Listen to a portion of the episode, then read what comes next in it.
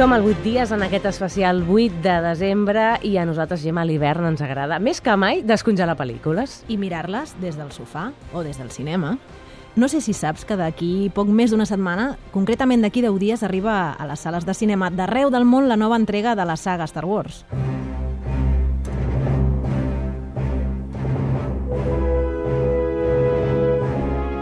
No sé si saps, no sé si saps. Què vol dir no sé si saps? Ho sap tothom, per Perdoneu, favor. jo estic flipant, perquè, clar, jo penso, és, és, és increïble, no? Però esteu Sí. impacients o què us passa a tots amb No, aquesta sí, sí, pel·lícula? serà l'estrena El mundial. despertar de la força. diu, Oh, mare meva. Hi ha una gran esperança, que és que J.J. Abrams faci alguna cosa decent, per fi, amb algun episodi d'aquesta nissaga, que no és precisament sant de la meva devoció. Però, en fi, Àlex Gorina Macià, bona tarda. bona tarda. Bona tarda. Ens agrada corroborar que hi ha vida més enllà de Star Wars, sí o Sí, no? se- sí, senyores, sí, senyores. La veritat és que hem viscut molt bé tots aquests anys sense. Eh, ara ja sabeu que us heu d'ubicar 30 anys després del retorn del Jedi, perquè recordareu que la primera, segona i tercera es van convertir en la cinquena, sisena i setena. Aquesta és la vuitena, que va després de la tercera, que és la sisena. Bueno, en fi. Eh, A mi em passa És com... un embolic. És un embolic. Com P3, P4, P5, i a partir d'aquí ja no sé què ve, si primària, secundària o és un embolic. Aquí l'únic que importa és que un cop recuperem això, ara tot és molt Disney, recuperarem els tres protagonistes de la nissaga original, el Mark Hamill, el Harrison Ford i la noia de les enciamades, la Carrie Fisher. Sortirà Chihuahua i, a més a més, sortirà Lupita Nyong'o, que està tot arreu, ha aconseguit filtrar-se dins de totes les nissagues del món mundial. I John Boyega, molt Ei, important. Evidentment, evidentment. John Williams ha fet la música, gràcies. I a tot això, jo que us recomanaria, amigues i amics, és que no oblideu que el mèrit de Star Wars no és del senyor George Lucas, sinó d'un japonès meravellós que es deia Akira Kurosawa, que va fer la pel·lícula original, de I fet. D'aquí la primera descongelació, sí. aquestes pel·lícules recomanades que ens fas als 8 dies de pel·lícules a recuperar a propòsit avui d'això, no? Abans o després de veure el nou episodi de la Guerra de les Galàxies, senyores i senyors, descongeleu una pel·lícula japonesa en blanc i negre en Cinemascope del 1958 que es deia Kakushitori de Nosana Kunin. Que una duda com la, la fortaleza escondida. On trobareu la princesa Leia transformada en la princesa Yukihima. Porta shorts i és una guerrera samurai estil western total i hi ha dos soldats perduts enmig del desert, que són, evidentment, C-3PO i R2-D2, que troben un samurai també mig guillat, que és, evidentment, uh, Harrison Ford uh, a la pel·lícula. I, per tant, tota la història és gairebé idèntica i el senyor George Lucas l'únic que havia de fer posar efectes especials, colors, energia solar i John Williams. I ho va transformar en un megahit per tota la vida. Però el mèrit, si voleu, us ho dic, és d'Akira Kurosawa. I no només en aquest cas, perquè sabíeu que...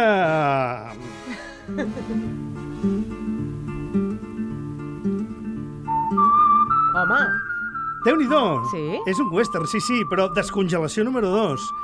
Aquest és el primer megahit de Sergio Leone com a director d'espaguetis westerns. És a dir, hi havia El bueno, el feo i el malo, La muerte tenía un precio, però al començament hi havia Por un puñado de dòlares, del 1964, on Clint Eastwood arribava a un poble on manaven dues famílies, i ell enredava les dues famílies per treure el profit, i al final acabaven tots morts, menys ell amb el ponxo, el puro i el barret.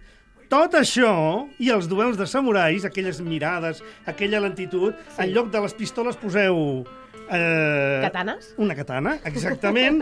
I trobareu una pel·lícula d'Akira Kurosawa del 1961 que es deia Yojimbo, amb el mateix Toshiro Mifune que feia de Harrison Ford a la princesa aquella que deia abans, fent de Sanjuro, que és un samurai perdut pel món, que també arriba a un poble on hi ha dos clans, aprofita per enredar-los a tots, es maten tots entre ells i ell se'n va a cavall al final de la pel·lícula com un cowboy al final d'una pel·lícula de Sergio Leone. De manera que ja teniu una altra referència cinematogràfica d'èxit mundial que, de fet, li devem al senyor Akira Kurosawa. De fet, Toshiro Mifune, a més a més, va fer una cosa excepcional.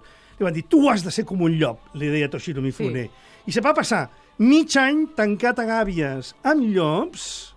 Observant com miraven i reaccionaven, i quan el mires a la pel·lícula veus una cara de llop que t'hi cagues. Absolutament. Fantàstica, aquesta història, però tenim més, eh? És a dir, que avui, més enllà de fer un cinema descongelat en homenatge a si hi havia vida més enllà de Star Wars, és un homenatge a Kira Kurosawa, Li això. donarem al Cèsar el que és del Cèsar, directament, no? Perquè tenim una tercera mostra excepcional.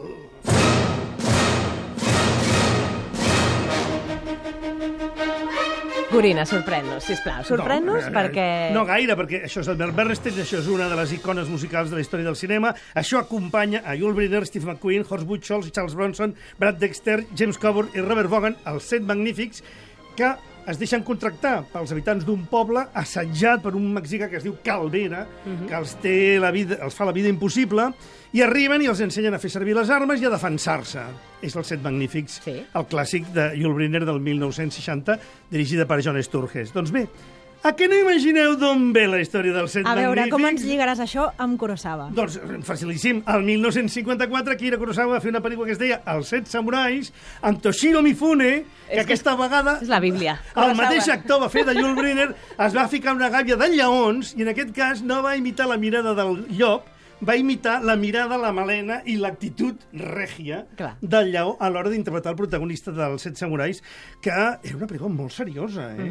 Perquè sí, samurais, guerres, combats i tot això, però Akira Kurosawa va fer una investigació a fons de com vestien, com parlaven, quin era l'accent i què és el que cobraven els samurais, que eren uns mercenaris, Sí. per un contracte de l'estil d'aquesta pel·lícula. Tres plats de sopa al dia. Amb això en tenien prou. Amb això es fan pel·lícules, es feien a la seva- És, és brutal, brutal. I no us estranyi que sigui, a més a més, la pel·lícula favorita de George Lucas, el senyor de Star Wars, i la favorita de Kira Kurosawa, que era un descendent de samurais in person, cent anys enrere, no? Bé, Akira Kurosawa ho ha fet tot gairebé millor que tots que l'han imitat, i els que eren abans d'aquell també, i gairebé que Shakespeare. Perquè sabeu que Akira Kurosawa va fer la millor adaptació de Macbeth de la història del cinema? Ja em, ja em frego les mans, ja em frego les mans. Macbeth, Shakespeare, Akira Sí. Kurosawa, trenca'ns aquesta autopista. Sí. Bueno, hi ha molt, hi ha molt Shakespeare, eh? perquè Sí. hi ha un rei Lear de El la Kira Ran, Kurosawa. no? Ara us posarem prova. Quina pel·lícula de Kira Kurosawa era el rei Lear? Ran. Aplaudiments a la senyora, a la princesa Mireia No, no, Ballola. no, no. Sí, sí, Home, sí, sí, sí, realment sí, també sí. és espectacular, aquella Bueno, pel·lícula. Macbeth és impossible d'adaptar, és un fracàs sempre. No s'ha de fer Macbeth. Estàs condemnat. És una qüestió d'una... És la, la tragèdia escocesa de Shakespeare condemna els que la interpreten.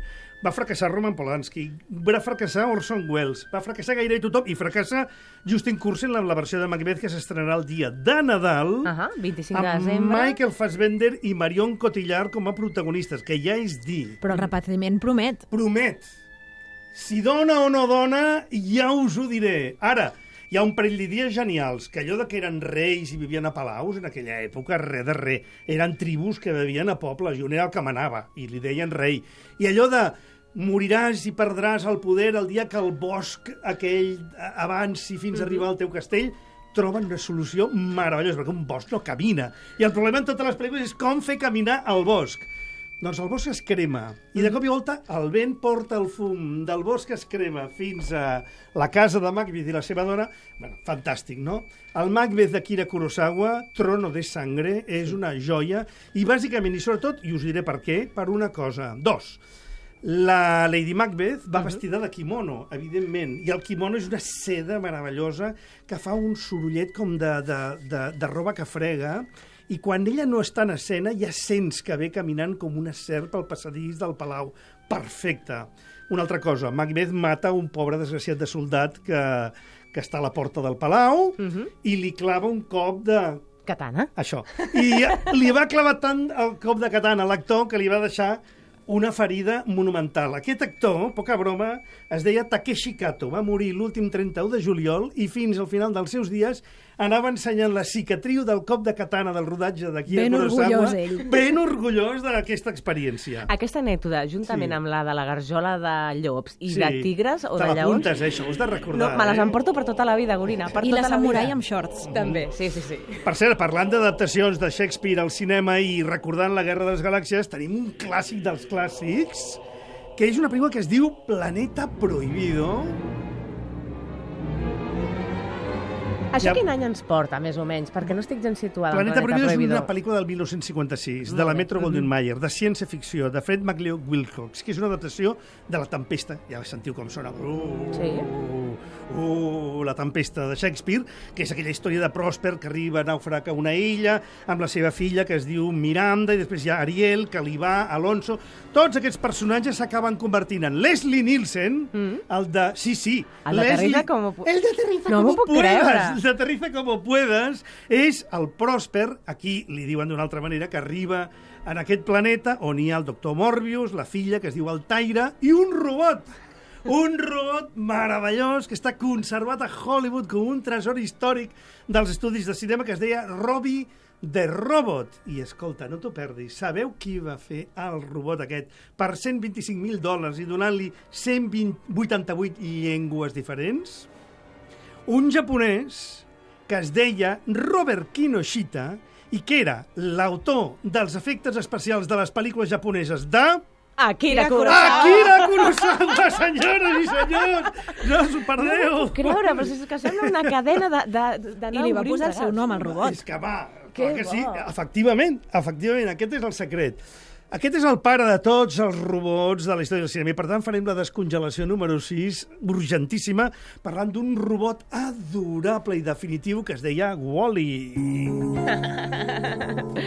Aquí ens venen més referents i realment és una descongelació d'aquelles que dius l'havia de Clar fer un dia sí. d'aquests. M'encanta Wall-E perquè li agrada Hello Dolly i perquè té un escarbat de companyia que és, es diu HAL, com el robot de 2001, Sí. una odissea de l'espai, i és l'obra mestra de Pixar. I a mi m'encanta perquè, a més, la robot Eva, aquella que té per allà també, em posa molt, és simpatiquíssima. M'encanta un robot que és escombriaire i, a més a més, és un nàufrag, perquè, de fet, és un remake inconfessat de Robinson Crusoe. Uh -huh. Eh? Els clàssics, no? Així com Sí. Kurosawa ha fet la Bíblia del Clar. cinema, pel que estem descobrint, Sí, sí. clàssics com Robinson Aquí no Crusoe puc també. posar Kurosawa per enlloc, però sí que us porta, posaré immediatament Marte, perquè evidentment Marte és la mateixa història de Wall-E, el personatge que interpreta el Tom, el, com es diu aquest, el, el protagonista de Marte, coi, ara, Matt Damon. Matt Damon. Matt Damon. El Matt Damon, doncs, eh, doncs està fent una mica el mateix que feia ell, o el que feien els personatges d'una pel·lícula de ciència-ficció molt bona i ecologista, abans que el món fos ecologista, que es deia Navis Misterioses, mm. on la vegetació desaparegut de la Terra, han salvat una planta de cada espècie, se l'han emportat amb una nau especial a volar per el firmament perquè, sal, perquè salvar-les i després que puguin tornar una vegada a la Terra i tornar a repoblar la Terra amb la flora. Aquesta és una història que té molt a veure amb un clàssic de la Bíblia, ho, ten, ho teniu clar. Què era? L'arca de Noé. Ara, Poseu sí, plantes sí, en lloc sí. d'animals. És veritat. Punyeta, clar, que sí, es deien navis misterioses, aquesta pel·lícula. Bé, Uh, per acabar, fem la descongelació número 7. Si voleu veure una pel·lícula estupenda i que lliga amb tot això, us recomano Almas de Metal. Fem un petit repàs Sí. abans d'arribar aquí. Va. Per un descongelat la Ataca. Guerra de les Galàxies, Sí. també per un punyado de dòlares, Los Siete Magníficos, hem descongelat aquest Macbeth Trono i de Sangre. Trono de Sangre, Planeta, Prohibit, sí. el robot Wall-E i, eh, finalment, Es porto almes de metal, perquè el senyor que va inventar tots els parcs temàtics de ciència-ficció del món, que és el senyor Michael Crichton, que va escriure Jurassic Park, que, com sabeu, és el somni... El És el somni, parc dels parcs. És el parc dels parcs i és el somni de tothom, anar a veure els dinosaures i tot plegat. Va escriure una novel·la i va fer una pel·lícula l'any 1973 que es deia Westworld, uh -huh. Almes de metal, on hi havia Yul Brynner, el protagonista dels Set Magnífics, que, per cert, és un robot que per cert es desmadra i comença a atacar els visitants del parc temàtic i que li van dir tu has d'interpretar aquest personatge com si encara fossis el protagonista dels set magnífics, amb la mirada d'assassí que tenies en aquella pel·lícula. tot encaixa. Mirada de llop, mirada de lleó, mirada d'assassí dels set magnífics, i llavors la gent de futur representa que van a fer unes vacances, paguen i diuen on vol anar? A Roma? A Roma. Vol anar a l'oest? A l'oest. I els protagonistes d'aquesta pel·lícula se'n van a l'oest i es troben el robot de Yul Brynner que evidentment, eh, té un desfase, per entendre'ns, i, per tant, jo que us he de dir per acabar? Que veieu la pel·lícula, però que si alguna vegada és possible que es faci un part temàtic on, de veritat, pugueu pagar unes vacances endinsant-vos en el món de Star Wars, sí. que és el que fareu d'aquí uns dies, alerta, perquè podreu descobrir potser que els robots no són tan bons com semblen i que els dolents de la pel·lícula, quins són? Enigma. Ai, C3PO, Els que R2D2. fan us la he fet rebel·lió. spoiler, us he fet spoiler. C3PO i R2D2 seran els dolents de la nova saga de la Guerra de les Galàxies. no m'ho puc creure. El Dani tampoc. El Dani no tampoc. dona crèdit. No, el Dani no, no, dona no m'ho crèdit. puc creure. Escolta, però ens quedem amb aquesta idea d'un parc temàtic on puguis fer vacances un Mm. dia festiu com avui, imaginar-se on un vol anar i que si una cosa es posa en contra o se't gi- gira en contra, no passa res. Jo no vull anar a la Guerra de les Galàxies. No. Ara, una prova ràpida, ràpida, ràpida. Podeu fer-ho vosaltres i on aneu? Va, A Cuba. ràpid. A Cuba. Ja, ara mateix. Tu. Safon. A París. A París. Jo no. Jo el rodatge d'una pel·lícula d'Akira Kurosawa, per exemple, per exemple... Amb lleons la, i llops. La fortaleza escondida. Fantàstic. Un plaer, com sempre, descongelar pel·lícules perquè ens agraden tots aquests universos que se'ns han posat sobre la taula amb Kurosawa, com sempre, dalt del seu tro.